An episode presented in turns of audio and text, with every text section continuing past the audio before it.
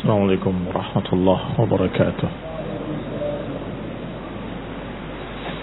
إن الحمد لله نحمده ونستعينه ونستغفره ونعوذ بالله من شرور أنفسنا ومن سيئات أعمالنا. من يهده الله فلا مضل له ومن يضلل فلا هادي له.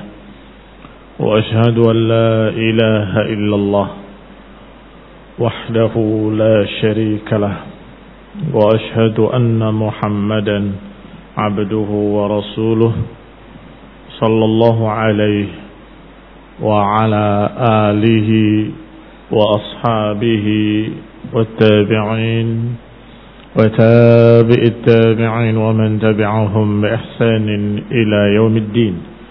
يا أيها الذين آمنوا اتقوا الله حق تقاته ولا تموتن إلا وأنتم مسلمون.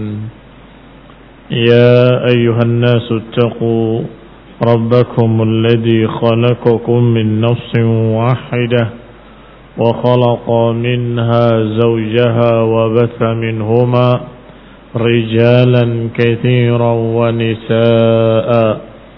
واتقوا الله الذي تساءلون به والأرحام. إن الله كان عليكم رقيبا.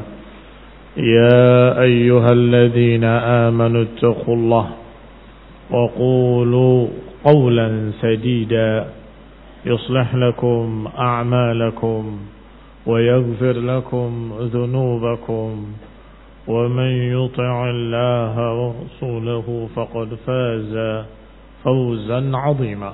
أما بعد.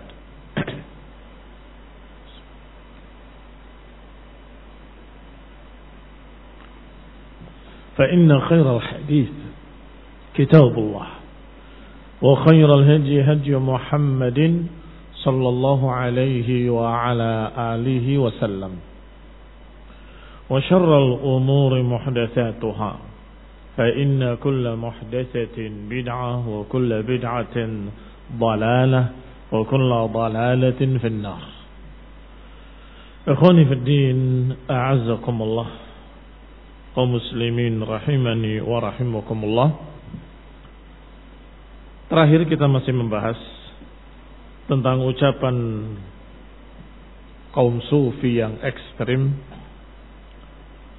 dalam syairnya mengatakan hum ma'syara hum ma'syarun halun nizama wa kharqus siyaja fala fardun ladaihim fala naflu majaninu illa anna sirra jununihim azizun ala abwabihi yasjudul aqlu. Yang maknanya kurang lebih mereka adalah golongan yang telah memasuki aturan. Maksudnya aturan lain. Wa kharaqus siyaja dan keluar dari batas-batas maka mereka tidak terkena kewajiban dan tidak pula terkena sunnah. Maksudnya mereka sudah tidak terikat dengan kewajiban dan tidak terikat dengan sunnah-sunnah. Majaninu orang-orang majnun, orang-orang gila. Illa anna sirra jununihim. Hanya saja rahasia kegilaan mereka aziz mulia. Katanya, rahasia kegilaan mereka justru kemuliaan. Ala abwabihi yasjudul aqlu. Di pintu-pintunya akal mereka sujud. A'azakumullah ini karena pemikiran dasar yang sesat mereka. Mudah-mudahan masih ingat bahwa mereka membedakan amal zahir dengan amal batin. Ada amalan zahir, ada amalan batin. Kemudian mereka mementingkan amalan batin dan tidak mempedulikan amalan zahir. Yang penting apa yang ada dalam hati. Yang penting apa yang ada dalam jiwa. Adapun zahirnya tidak penting. Sehingga kemarin kita bahas ada aliran yang dikatakan dengan aliran yang pengen dihinakan. Apa namanya? Nah, malamiyah. Aliran malamiyah. Aliran yang ingin dicela atau suka untuk dihinakan. Sehingga dia bikin dohirnya serendah-rendahnya, sehina-hinanya. Sampai puncaknya ini. Orang gila dianggap dohirnya gila. Adapun batinnya yasjud. Sujud kepada Allah Subhanahu wa taala. Dia tidak terikat dengan kewajiban, tidak terikat dengan sunnah secara dohir. Tapi secara batin mereka adalah orang yang mukmin yang sujud pada Allah Subhanahu wa taala. Maka dikomentari oleh Syekh Ibn Abdul Aziz Al-Hanafi dalam syarah Aqidah Tahawiyah yang sedang kita baca, qala hadza kalamun dallun. Ini adalah ucapan yang sesat. Bal kafir, bahkan dikatakan kafir. Yadhunnu anna fil jununi sirran. Mereka menganggap bahwasanya ada dalam kegilaan rahasia. Yasjudul aqlu ala babih yang akal sujud di pintu tersebut lima ra'ahu min ba'dil majanin min nau'il mukasyafah. Yang demikian karena apa yang mereka lihat min ba'dil majanin dari beberapa orang gila ada mukasyafah. Kenapa mereka mengatakan ini walaupun gila tapi dia itu sungguhnya wali? Mengapa? Karena mereka melihat ada mukasyafah ada sesuatu yang luar biasa. Keajaiban pada orang gila ini. Yang menyingkapkan tabir-tabir gaib. Kama yakunu saharati wal kuhan. Sebagaimana apa yang terjadi pada tukang-tukang sihir dan apa yang terjadi pada dukun-dukun. Bisa menebak ini, bisa menebak itu, bisa menebak apa yang dibalik dinding, apa yang dibalik kamar ila akhir. Fayadhunnu hadha anna man kashafa atau kharaqa 'adatan kana waliyan lillah. Akhirnya orang sesat ini mengira siapa yang mendapatkan suatu tabir gaib atau dibukanya tabir gaib atau sesuatu yang luar biasa, keajaiban-keajaiban, maka berarti waliullah. Dikira oleh orang sesat tadi, setiap orang yang punya keanehan atau bisa menebak-nebak, maka dia wali. Wa man i'taqada hadza fahuwa kafir. Maka siapa yang meyakini demikian maka dia kafir. Faqad qala ta'ala karena Allah Subhanahu wa taala berfirman Hal unabbi'ukum ala man tanazzala syayatin. Maukah Aku kabarkan pada kalian siapa yang dituruni atau siapa yang didatangi oleh syaitan-syaitan. Tanazzalu ala kulli affakin azim. Kata Allah, syaitan akan turun kepada kulli affakin azim. Affak, pendusta. Azim pendosa. Syaitan akan turun pada mereka-mereka yang pendusta dan pendosa.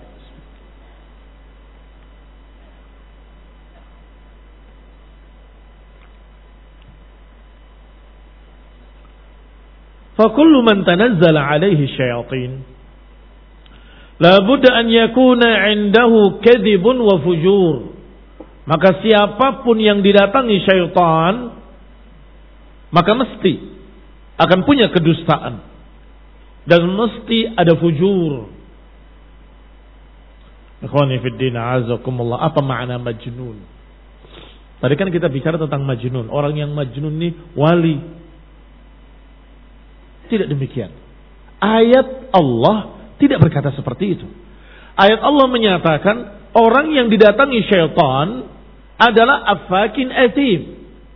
Orang yang dirasuki syaitan adalah pendosa lagi pendusta. Sedangkan majnun maknanya junna. Dirasuki jin. Dari kata jannah. Jadi diambil dari kata jin. Majnun yang dikena jin. Orang yang kerasukan jin, orang yang tidak waras, otaknya dikuasai oleh syaitan, sehingga melakukan sesuatu yang gila, yang tidak normal, yang tidak wajar, yang tidak akil, tidak berakal, bagaimana dikatakan wali? Allah menyatakan, maukah aku beritahukan kalian? Qul unabbi'ukum. Dikatakan hal unabbi'ukum ala man tanazzala syayatin. Maukah aku beritahu kalian syaitan itu turun pada siapa? Allah katakan, Allah jawab, tanazzala ala kulli affakin athim. Syaitan akan turun, akan meraksuk pada orang yang affak, pendusta, athim dan pendosa. Adapun mukmin saleh sadiq, jujur, ahli ibadah, salat, puasa, beramal, bersedekah, nggak mungkin dirasuki syaitan. Nggak akan bisa. Syaitan akan merasuki orang ini. Ikhwani fiddin a'azakumullah amma alladhina yata'abbaduna birriyadat. Jenis berikutnya dari aliran sufi Adapun mereka-mereka yang beribadah dengan latihan. Wal khalawat dan dengan menyendiri. Riyadat artinya latihan. Sedangkan khalawat dari kata khalwah. Menyendiri. Mirip dengan pertapa. Dari ajaran Hindu atau Buddha menyendiri di tempat yang terpencil. Ini aliran sufi juga. Wa yatrukuna juma wal jama'at dan meninggalkan Jumat Jumat dan meninggalkan salat jamaah. Fahumul ladzina dhalla sa'yuhum fil hayati dunya wa hum yahsabuna annahum yuhsinuna maka mereka itulah yang dikatakan orang-orang yang sesat upayanya di kehidupan dunia tapi mengira bahwa mereka sedang beramal saleh. Mengira sedang beribadah. Mengira yuhsinuna sun'a mengira sedang berbuat baik. Dan inilah yang Allah katakan dalam Al-Quran. Qul hal nunabbi'ukum bil akhsarina a'mala alladhina dhalla sa'yuhum fil hayati dunya wa yahsabuna annahum yuhsinuna sun'a. Katakan, maukah aku beritahukan kalian golongan yang paling merugi kehidupannya di dunia? Yaitu mereka-mereka yang dalla sa'yuhum fil hayati dunya yang sesat amalannya di kehidupan dunia tetapi mengira sedang beramal saleh. Ikhwani fiddina azakumullah manusia ada yang beramal dengan amalan soleh maka mendapatkan pahala dan akan mendapatkan dari Allah Subhanahu wa taala balasan yang berlipat kali mendapatkan jannah dan keridhaan kehidupan yang kekal abadi di dalam jannah. Sebaliknya, orang kafir yang memuaskan dirinya dan hawa nafsunya di dunia sepuas-puasnya setelah itu di akhirat masuk neraka. Khalidina fiha abada. Yang ini beruntung. Qad aflahal mu'minun. Yang ini rugi. Karena senang sesaat di dunia. Tetapi kekal abadi dalam neraka. Baik. Apakah ada yang lebih jelek lagi dari ini? Lebih rugi? Ada. Orang kafir tadi di dunianya berfaya-faya, bersenang-senang, memuaskan hawa nafsunya sepuas-puasnya. Kemudian di akhirat dia adab. Tetapi ada golongan yang di dunianya capek, lelah, susah, payah. Di akhiratnya tetap di neraka. Bekal abadi. Berarti kasihan banget. La dunia walal akhirah. Golongan mukminun, golongan akhirat. Ad-dunyanya sijnul mu'min. Dunianya penjara bagi orang mukmin. Dia harus mengerjakan ini, harus mengerjakan ini, harus mengerjakan ini. Dia tertahan untuk berbuat yang haram, tertahan untuk berbuat yang maksiat, tertahan untuk tidak berbuka di bulan Ramadan, tertahan sekian perkara. Ad-dunya sijnul mu'min. Yang ini dalam keadaan dia bersenang-senang di dunia. Wala yaghurrannakum taqallubal ladina kafaru fil bilad. Tetapi kalian jangan tertipu. Dengan taqallubul ladina kafaru fil bilad. Dengan berbolak-baliknya mereka di dunianya atau di negerinya. Berfoya-foyanya, bersenang-senangnya mereka dengan kehidupan bebas. Jangan tertipu dengan mereka. Mengapa? Mata'un qalilun. Kesenangan sesaat. Thumma ma'wahum jahannam. Kemudian tempat mereka neraka jahannam. Ini dua jenis. Tapi yang aksarina a'mala kata Allah qul hal unabbiukum bil aksarina a'mala? Katakan maukah aku beritahu kalian yang paling rugi kehidupannya di dunia? Yaitu mereka-mereka yang dhalla sa'yuhum fil hayati dunya yang sesat hidupnya di dunia. Sesat. Tetapi yahsabun Annahum yusinuna sun'a. Tapi mereka mengira bahwa mereka sedang berbuat baik. Berarti di dunianya beramal, beramal, beramal. Capek, naam, lelah, susah, payah. Tertahan juga, terpenjara juga bahkan. Tetapi di akhiratnya neraka karena dia sesat. Ini kasihan sekali. La ilaha ula, wa la ilaha ula. Tidak jenis yang pertama beramalnya dengan amal yang benar sehingga mendapatkan jannah di akhirat.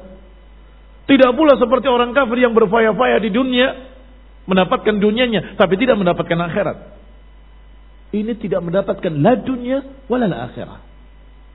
Di dunianya puasa mutih. Puasa mati gendi.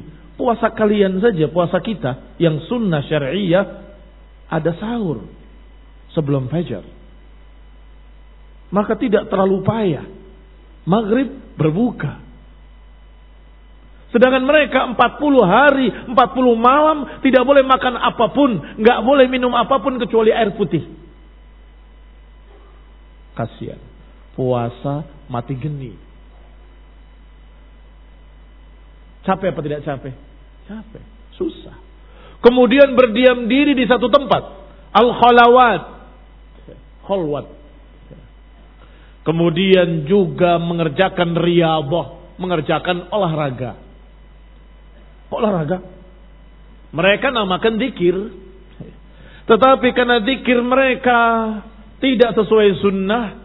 Dan mereka menamakan dikirnya dengan riyadhah, latihan. Sebab mereka selalu berlatih untuk bisa berzikir sebanyak-banyaknya agar bisa satu napas sekian kali la ilaha illallah. Sebagian mereka katanya sudah berhasil. Dalam satu nafas bisa mengerjakan sekian ribu kali. Sekian ribu kali. La ilaha illallah. Gurunya katanya, saya tidak percaya. Sudah bisa mengerjakan 70 ribu kali la ilaha illallah dalam satu nafas. Ini apa-apaan? Capek atau tidak capek? Capek. Susah apa enggak susah? Susah. Kasihan. Aksarina a'mala. Rugi kehidupannya di dunia. Dalam keadaan sesat. Tetapi mengira sedang berbuat baik. Kami sedang ibadah. Qala.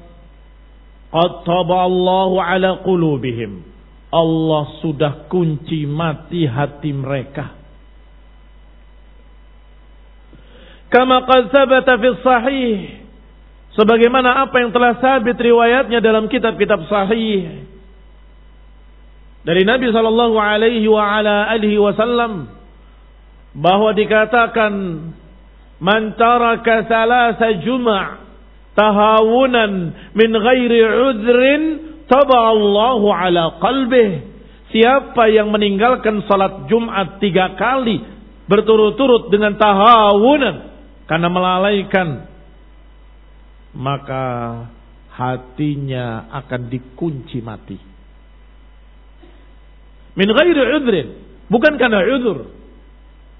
Maka hatinya akan dikunci mati. Ikhwani fiddin, a'azakumullah. Hadis ini sungguhnya derajatnya Hasan. Wallahu ta'ala alam mengapa Ibn Abdul Aziz Al-Hanafi menyatakan fi sahih.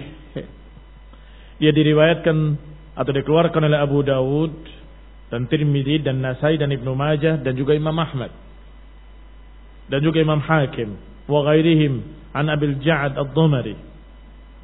Tapi apa kaitannya dengan masalah meninggalkan tiga kali Jumat dikunci mati dengan mereka? Karena mereka biasanya dengan riyadhahnya, dengan kholawatnya, mereka tinggalkan sholat jamaah dan mereka tinggalkan sholat Jumat. Bahkan sampai lumutan. Hah? Sampai berlumut di sini. Di kali jaga sini. Katanya. Kali jaga ini kali yang dekat kalian ini. Namanya kali jaga. Tahu Sunan kali jaga? Di situ. Kamu lihat kalinya. Itu pernah ada orang yang duduk di situ. Sampai lumutan berapa lama kira-kira? Kalau batu ditaruh sampai lumutan. Mana sholat jamaahnya? Mana sholat jumatnya?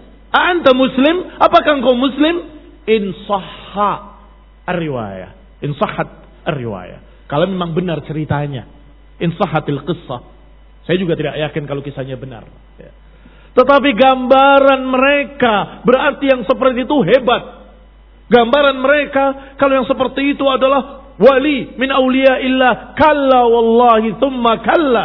Tidak demi Allah. Gak mungkin dikatakan wali kalau ukurannya tidak pas. Masih ingat apa kaidahnya? La tusaddiqhum Naam. La tusaddiqhum. Walau yusalluna 'alal ma' wa yatiru fil hawa. Jangan percaya mereka walaupun salat di atas air atau terbang di langit. Sampai hatta yutabbiqus sunnah. Jangan lupa ini. Hatta yutabbiqus sunnah. Sampai mencocoki sunnah. Kita ambil sunnah, kita ukur. Bagaimana hukumnya salat Jumat? Sudah tidak ragu lagi seluruh kaum muslimin apa hukumnya. Ini dia tinggalkan. Bukan hanya tiga kali. 40 hari, 40 malam. Tidak pindah dari tempatnya. Berapa hari itu? Kalau 40 hari, 40 malam. Berapa Jumat dia tinggalkan? Di mana? Di gunung sana. Ikhwani fiddin, a'azakumullah. Kaum muslimin rahimani wa rahimakumullah. Kita ukur. Apa hukumnya salat jamaah? Warka'u ma'arraqi'in. Kata Allah, rukulah bersama orang yang ruku. Dia nggak mau ruku sama orang yang ruku. Masih diem aja di guanya. Disuruh oleh Allah subhanahu wa ta'ala. Untuk Khudu zinatakum inda kulli masjid. Boro-boro ke masjid. Dia berdiam diri di tempat sepi 40 hari 40 malam. Ikhwani fiddina azakumullah ila akhirih sampai akhir perbuatan mereka. Maka berarti mereka sudah dikunci mati hatinya. Karena hadis menyatakan mantaraka salasa juma' tahawunan min ghairi udhrin Allahu ala qalbi. Siapa yang meninggalkan Jumat tiga kali tanpa alasan, tanpa udur, tanpa alasan yang syar'i, tanpa udur, bukan karena sakit, bukan karena hujan. Wa kullu man adala min an ittiba'i sunnatir rasul. Siapa pun yang menyimpang dari sunnah Rasulullah SAW. In kana aliman biha fahuwa maghdubun alaih. Kalau dia alim, tahu itu sunnah tapi ditinggalkan, berarti dimurkai oleh Allah Subhanahu wa taala. Berarti golongan al-maghdubi alaihim. Wa illa fahuwa dal. Kalau ternyata tidak tahu, berarti dal. Dua-duanya jelek. Kilahuma syar. Ahlahuma mur. Ahlahuma mur. Fahuwa baina syai'aini ahlahuma mur. Berarti dia salah satu di antara dua model manusia. Yang paling manisnya pahit. Yang paling manisnya pahit. Kenapa menyelisihi sunnah? Kenapa tidak sholat jamaah? Kenapa tidak sholat Jumat? Kenapa cara ibadahnya kok beda dengan kaum muslimin? Mengapa tidak mengikuti sunnah? Ada dua. Ima tahu kalau itu sunnah, wa ima tidak tahu. Kalau dia tahu itu sunnah tapi sengaja dia tinggalkan. Mereka lah golongan al-maghdubi alaihim. Orang yang dimurkai. Sudah tahu tapi ditinggalkan. Kalau ternyata tidak tahu, berarti dal, berarti dia sesat. Maka ini tepat kita katakan pada mereka dengan kalimat in kunta la tadri fatilka musibatun wa in kunta tadri fal musibatu a'zamu. In kunta la tadri fatilka musibah. Kalau engkau tidak tahu itu musibah. Enggak tahu salat wajib, enggak tahu salat berjamaah harus, nggak tahu sholat Jumat itu wajib, nggak tahu ancamannya kalau meninggalkan sholat Jumat, tilka musibah, itu musibah.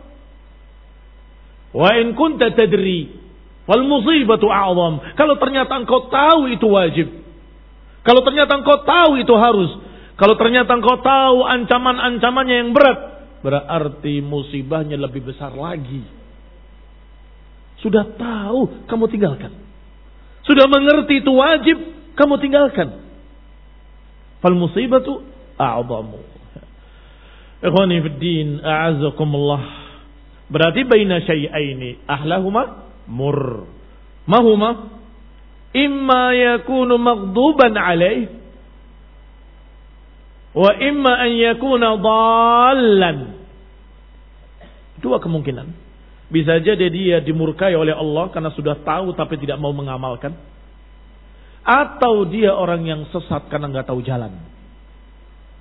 Walihada syara Allah lana an nas'alahu fi kulli salatin. Oleh karena itu Allah mengajarkan kita untuk kita meminta kepada Allah Subhanahu wa taala dalam setiap salat an yahdiyana as-siratal mustaqim agar kita meminta pada Allah Subhanahu wa taala jalan yang lurus meminta petunjuk siratal ladzina na'ama alaihim yaitu jalan orang-orang yang diberi nikmat oleh Allah Subhanahu wa taala. Jalannya para nabiyyin wasiddiqin wasyuhada'i wassalihin jalannya para nabi jalannya para siddiq jalannya para syahid jalannya orang-orang saleh. Wa hasuna ulaika rafiqa. Jangan jalannya al-maghdubi alaihim jangan pula jalannya ad-dallin Siapa al-maghdubi alaihim? Sudah tahu ilmunya tapi tidak mau mengamalkan. Maghdubi alaihim. Seperti Yahudi. Kalau ternyata nggak ngerti jalannya, bol berarti sesat. Seperti Nasrani. Pengen membela Nabi Isa, malah mencerca Allah Subhanahu wa taala. Pengen membela Maryam, malah mencerca pencipta Maryam alaihissalam. Ini khonibina azakumullah sesat mereka. Tapi kan niatnya baik. Iya, niatnya baik tapi goblok. Iya kan? Bahasa saja.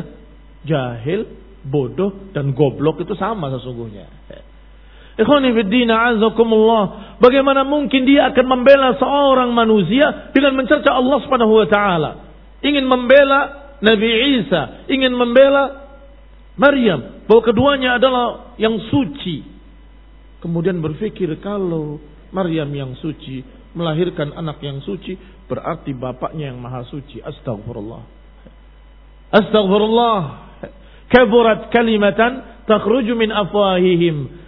Jelek sekali kalimat yang keluar dari mulut-mulut mereka. In illa kediba. Mereka tidak mengucapkan kecuali dusta. Takadu samawatu yatafattarna minhu wa tanshaqqul ardu wa takhirul jibalu hadda an da'u lirrahmani walada. Hampir-hampir langit terpecah. Hampir-hampir bumi terbelah.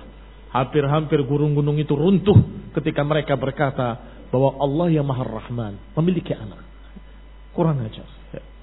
Sangat kurang ajar. Jahil niatnya membela seorang nabi. Niatnya membela wanita yang suci. Tapi lihat apa jadinya. karena kebodohan mereka. Ini namanya balun. Aku mensucikan Allah di gua ini. Kami berzikir selalu muji Allah. Maha suci engkau, maha suci engkau, maha suci engkau. Hayya ala salah, nggak peduli. Maha suci engkau, maha suci engkau, maha suci. Hayya ala falah, nggak peduli. Dengar azan panggilan salat nggak peduli. Apa ini? Kalau bukan jahil. Jahil. Kamu niatnya apa? Kan saya niatnya ingin mendekatkan hati saya pada Allah Taala. Lah salat apa enggak mendekatkan diri pada Allah Taala? Salat Jumat apa enggak mendekatkan diri pada Allah Taala? Puasa yang benar, puasa yang syar'i, puasa Senin Kamis misalnya, dari mulai terbit fajar sampai terbenam matahari, apa itu bukan taqarrub ilallah? Kenapa harus pakai puasa yang aneh? Puasa muti, puasa mati geni, puasa apa lagi? Ini semua kebodohan. Kalau mereka bodoh berarti mirip dengan Nasrani. Niat baik tapi bodoh akhirnya balun sesat. Kalau ternyata tahu ini wajib, tahu ini sunnah, tahu syariat, kemudian sengaja-sengaja dia selisihi. Fahada miripnya dengan Yahudi. Yang sudah tahu kebenaran ada pada Rasulullah SAW tahu bahwa kebenaran ada pada nabi tersebut, ciri-cirinya tahu, bukti-buktinya tahu, tapi nggak mau mereka pegang. Ini Yahud. Maka Allah katakan pada mereka, "Ghadiballahu alaihim." Allah murka pada mereka. Ini pada Yahudi. Kembali pada kitab. Wa amma ma yata'allaq bi Musa mal Khidr alaihi salam. Adapun apa yang berkait dengan Nabi Musa dan Nabi Khidir dan subhanallah itu pun beredar di kalangan kita di kalangan sufi-sufi di Indonesia.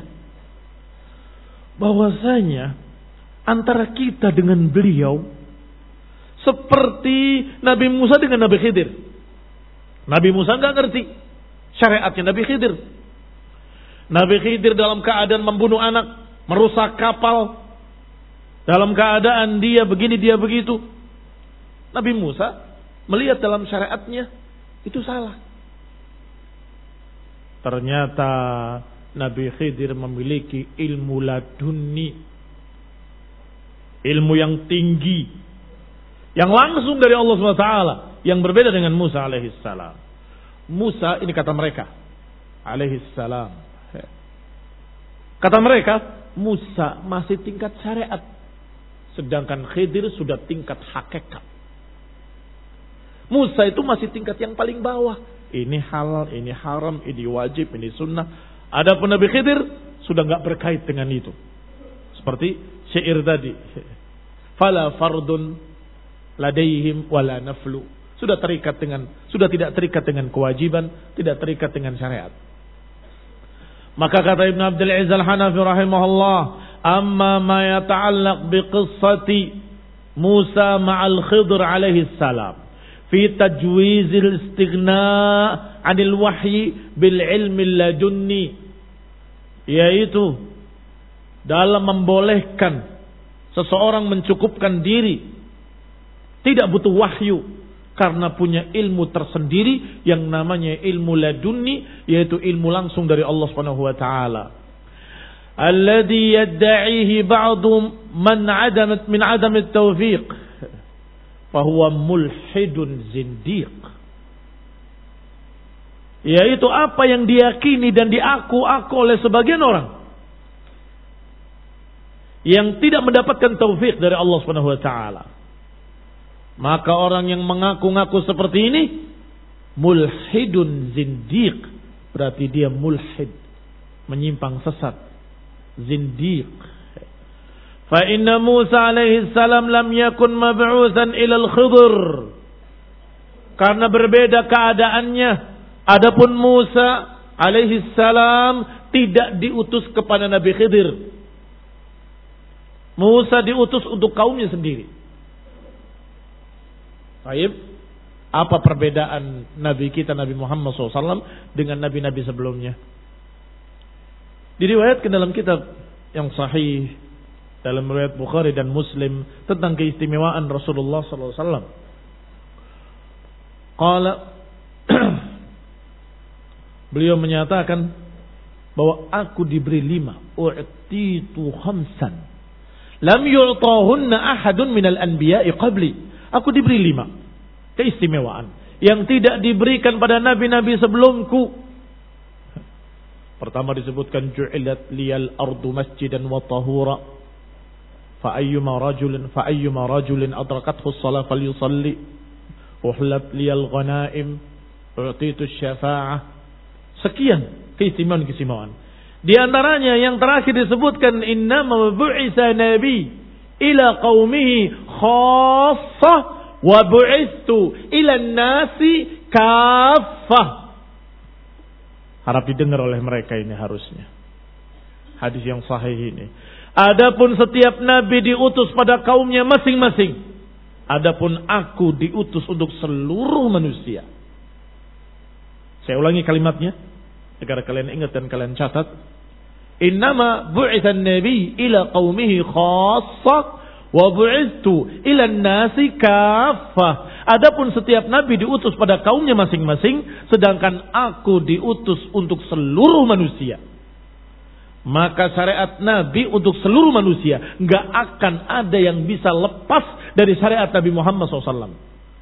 Nggak ada seorang pun di dunia ini sekarang ini yang bisa lepas dari syariat Nabi Muhammad SAW. Syariat salat lima waktu, syariat puasa bulan Ramadan, syariat zakat, syariat haji, syariat-syariat yang lengkap dari A sampai Z. Dari syariat Islam, nggak ada seorang pun yang bisa lepas daripadanya. Siapa yang mengaku-ngaku kalau saya tidak terikat dengan syariat, fahuwa kafir. Fahuwa kafir. Keluar dari Islam. Dan itu bukan kata saya, kata semua para ulama, bahkan dinukil oleh Syekhul Islam Ibnu Taimiyah rahimahullah dalam majmu' fatwanya. Juz kedua, ketika berbicara masalah sufi, dan beliau katakan tentang mereka dengan lebih keras dari sekedar kafir. Kadang disebutkan mereka seperti Yahudi dan Nasrani. Kadang disebutkan mereka lebih sesat dari Yahudi dan Nasrani. Saya muslim tapi nggak terikat dengan agama Islam. Gimana kira-kira menurut kalian? Kafir yang terang-terangan lebih gentle. Daripada dia berkata, saya muslim, hati saya beriman, saya sujud pada Allah Subhanahu wa taala dalam hati saya tapi adapun dohir saya tidak terikat dengan syariat. Gak terikat dengan halal haram, gak terikat dengan Quran, gak terikat dengan sunnah. Lah terus bagaimana mau dikatakan muslim? Min ayyi wajhin. Dari sisi mana dia dikatakan seorang muslim? Ikhwani fid din azakumullah. Dalilnya hadis tadi sudah sangat jelas dan sekian ayat lebih jelas lagi tentang Allah katakan bahwa Rasulullah SAW diutus untuk seluruh manusia. Apa kata Allah Taala? Rasulullah SAW dikatakan rahmatan lil alamin. Kafal ayat?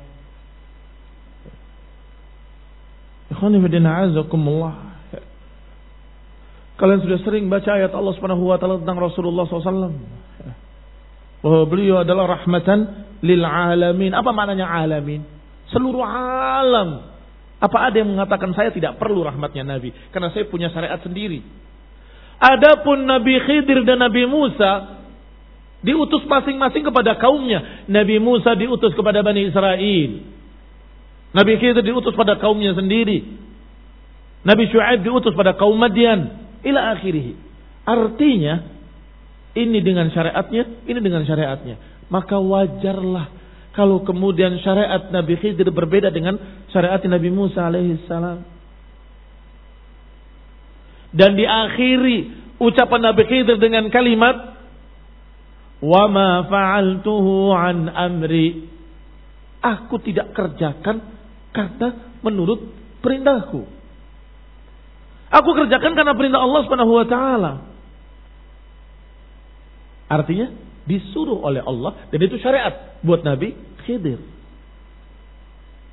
Maka jangan dikiaskan bahwa saya dengan kalian itu seperti Nabi Khidir dengan Nabi Musa. Kalian seperti Nabi Musa terikat dengan syariat. Sedangkan aku bebas ajaib.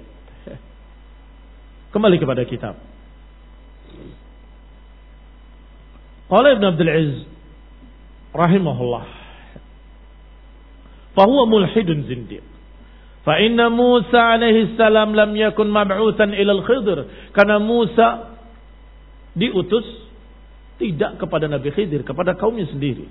Walam yakun al-Khidir ma'muran bimutaba'atih. Nabi Khidir juga tidak diperintah untuk mengikuti Nabi Musa. Walihada qala lahu oleh karena itu dikatakan kepadanya anta Musa Bani Israel kata Nabi Khidir apakah engkau Musa nabinya Bani Israel qala na'am kata Musa iya wa Muhammadun sallallahu alaihi wa ala alihi wasallam mab'utsun ila jami'i thaqalain. Adapun Nabi Muhammad alaihi salatu wassalam diutus untuk seluruh manusia dan jin as-saqalaini diutus untuk dua atau kepada dua makhluk seluruhnya. Seluruh manusia dan seluruh jin. Walau kana Musa wa Isa hayyaini lakana min atba'ih. Kalau saja Nabi Musa dan Nabi Isa masih hidup niscaya mereka pun wajib mengikuti Nabi Muhammad SAW Sebagaimana ketika sahabat ada yang membawa kitab terdahulu, kitab Bani Israel, kitabnya katanya peninggalan dari Nabi Musa dan sebagainya. Nabi menyatakan amutahawwikun. Amutahawwikun anta ya ibn al-Khattab. Apakah engkau mau sembarangan mencari? Wahai ibn al-Khattab. Wallahi lau kana Musa hayyan Ma wasi'ahu illa tibai. Oh kama qala sallallahu alaihi wa ala alihi wasallam. Ketahuilah, kalau Musa masih hidup, nggak ada pilihan lain kecuali ngikut aku. Kenapa harus mencari kitab-kitab terdahulu? Demi Allah, kalau Musa masih hidup, lau kana Musa hayyan, ma wasi'ahu illa tibai. Nggak akan ada pilihan lain baginya kecuali ikut aku. Maka ikhwan ibn a'azakumullah Nabi Musa, Nabi Isa saja kalau masih hidup wajib mengikuti Rasulullah SAW. Apa mungkin ada seorang dari kalangan muslimin yang terbebas dari syariat Nabi Muhammad SAW? Itu sudah satu kedustaan yang pertama dan satu kekufuran pertama. Ada kekufuran yang kedua. Berarti dia mendapatkan ilmu laduni. Iya kan? Yang sering disebut oleh mereka. Ilmu laduni, ilmu laduni, ilmu laduni. Ini dari ayat Allah Subhanahu wa taala dalam surat Al-Kahfi. Milladunna ilma telah kami berikan dari sisi kami ilmu. Mengaku punya ilmu laduni. Ternyata ilmu laduni adalah ilmu wahyu dari Allah Subhanahu wa taala. Artinya Nabi Khidir seorang nabi yang mendapatkan wahyu dari Allah Subhanahu wa taala. Nah, ini kesesatan yang kedua. Ketika mereka mengaku mereka mendapatkan ilmu laduni, apakah mereka mengaku nabi? Yang kedua, apa hukumnya mengaku nabi? Kafir juga. Mendapatkan wahyu. Ikhwan ibn a'azakumullah. Kufur yang ketiga. Kalau dia mengaku mendapatkan wahyu berarti seperti nabi. Berarti dia mengaku nabi yang lebih hebat dari seluruh para anbiya. Mengapa? Karena kalau nabinya seperti Nabi Musa, Nabi Isa, kata Nabi Alaihissalam, laukana Musa hayyan, kalau saja Musa masih hidup, nggak ada pilihan lain kecuali ngikut aku. Lah kamu, Nabi siapa? Nabi Sudarmono atau Nabi Soeharto? Nabi Men? Lebih hebat mana dengan Nabi Musa?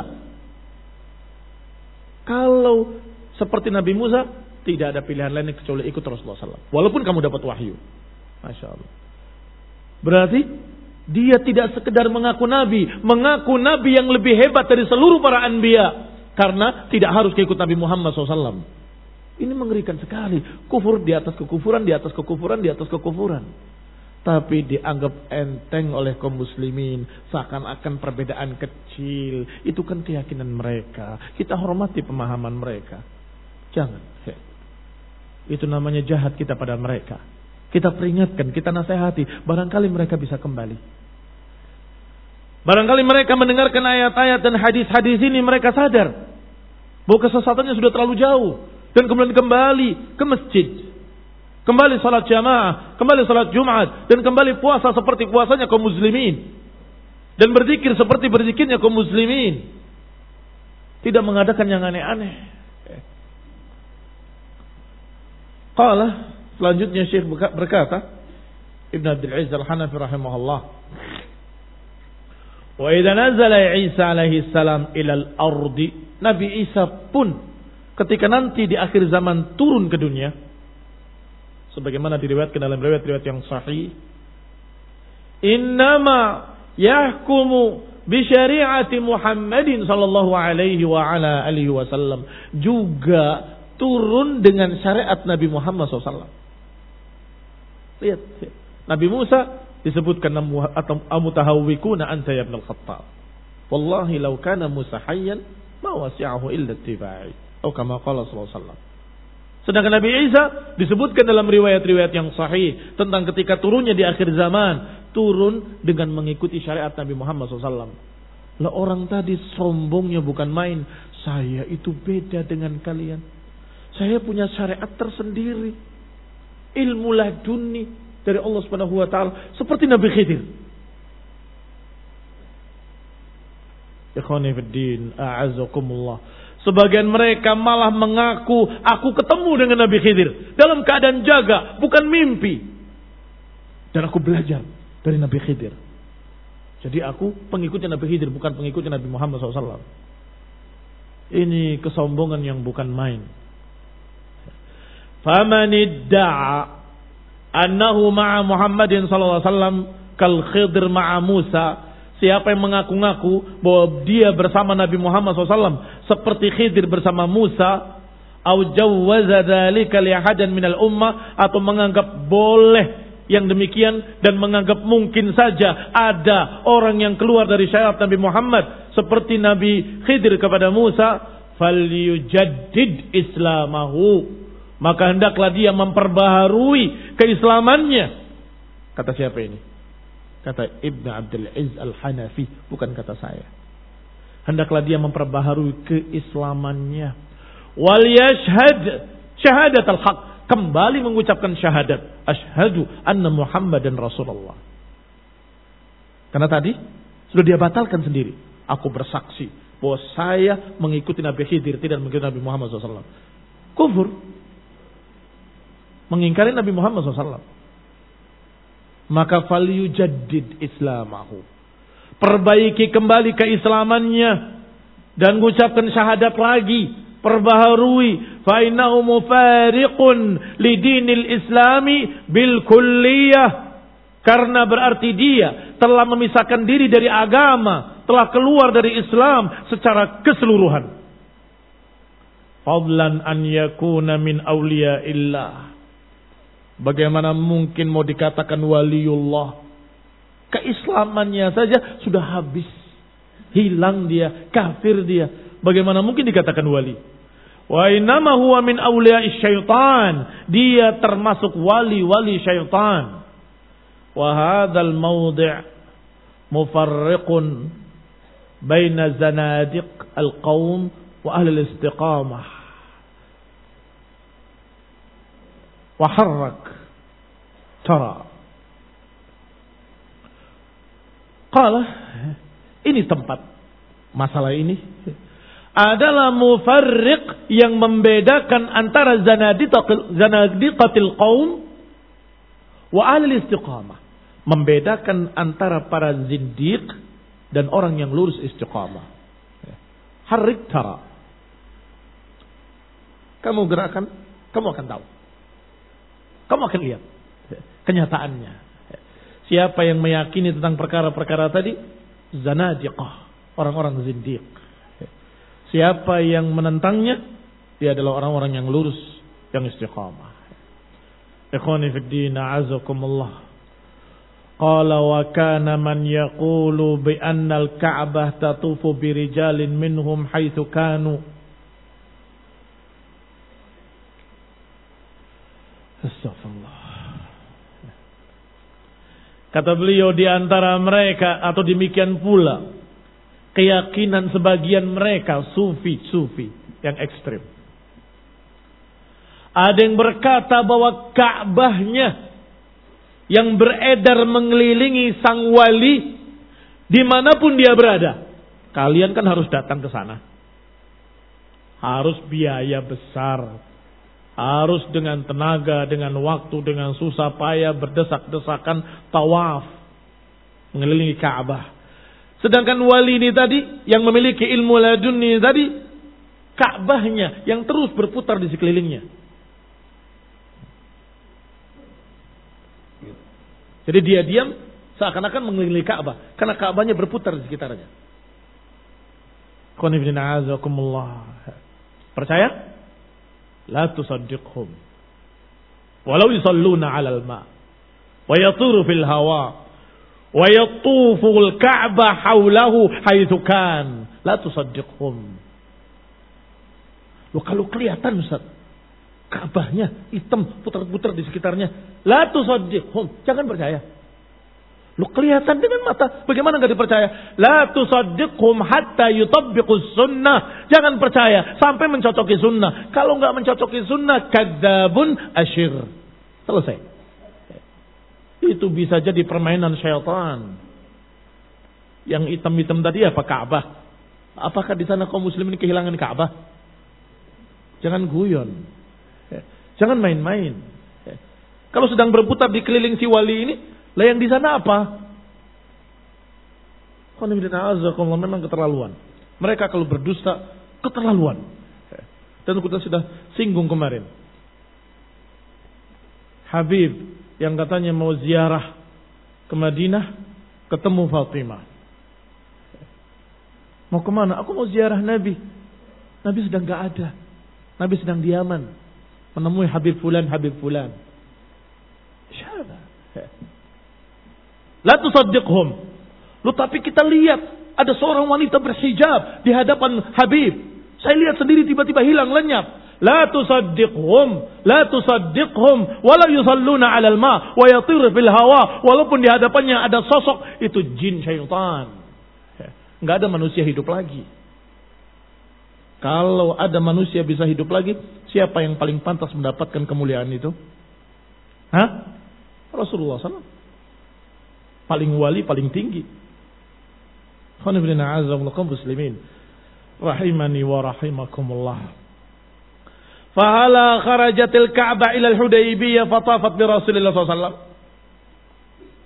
Kalau ada wali yang Ka'bahnya mengelilingi dia, di mana pun dia berada, apakah tidak semestinya Nabi yang lebih tinggi kewaliannya, kemudian Ka'bahnya datang kepada Nabi di Hudaybiyah. Masih ingat kasus Hudaybiyah? Rasulullah SAW dan para sahabatnya tertahan. Tidak bisa masuk Mekah. Ditahan oleh musyrikin Quraisy. Sampai terjadi perjanjian Hudaybiyah. Sampai Rasulullah SAW pulang kembali ke Madinah. Belum tawaf. Kalau saja seorang wali bisa demikian, yang lebih pantas adalah Rasulullah SAW karena beliau adalah walinya para wali atau beliau adalah yang paling tingginya dari para wali atau sayyidul awliya, sayyidnya para wali. Mestinya saat itu tidak perlu ada perjanjian Hudaybiyah, Ka'bahnya terbang mengelilingi Nabi, kan selesai. Nabi aja nggak begitu. Kok orang kemarin baru lahir sok merasa lebih hebat dari Nabi SAW. Ka'bahnya mengelilingi dia, hai kana. Dan jangan dianggap ini dongeng. Mereka betul-betul mengatakan seperti ini. Terhadap wali-walinya. Terhadap tokoh-tokohnya. Hina usira anha. Ketika Nabi dikepung. Wahuwa yawaddu minha. Padahal Nabi sangat ingin melihat Ka'bah saat itu. Kalau saja itu kewalian, pantasnya saat itulah Ka'bah terbang kepada Nabi dan Nabi bisa melihat Ka'bah. Wa ilahum shibhun billadina wasafahumullah. Mereka sangat mirip dengan orang-orang yang Allah sifati dalam ayatnya kullu imri'in minhum an yu'ta suhufan munasyarah. Kalla bahkan masing-masing dari mereka ingin kalau mendapatkan suhufan munasyarah mendapatkan kitab sendiri, mendapatkan wahyu sendiri, mendapatkan catatan sendiri, mendapatkan syariat sendiri. Masing-masing pengen begitu. Ajib. Betapa miripnya mereka. Ikhwani fi azakumullah muslimin rahimani wa rahimakumullah. Naktafi bihadzal qadr. Allah taala al-hidayah lana wa lahum wa li jami'il muslimin. Semoga Allah beri petunjuk kita dan mereka dan seluruh kaum muslimin kepada tauhid wa sunnah dan semoga kita semua dan mereka diangkat dari kebodohan, dari kesesatan dan diselamatkan dan dijadikan istiqamah di atas tauhid was sunnah. Amin wa sallallahu Muhammadin wa ala alihi wa ashabihi wa sallama tasliman katsira. Subhanaka wa bihamdika la ilaha illa anta astaghfiruka wa atubu ilaik. Wassalamu alaikum warahmatullahi wabarakatuh.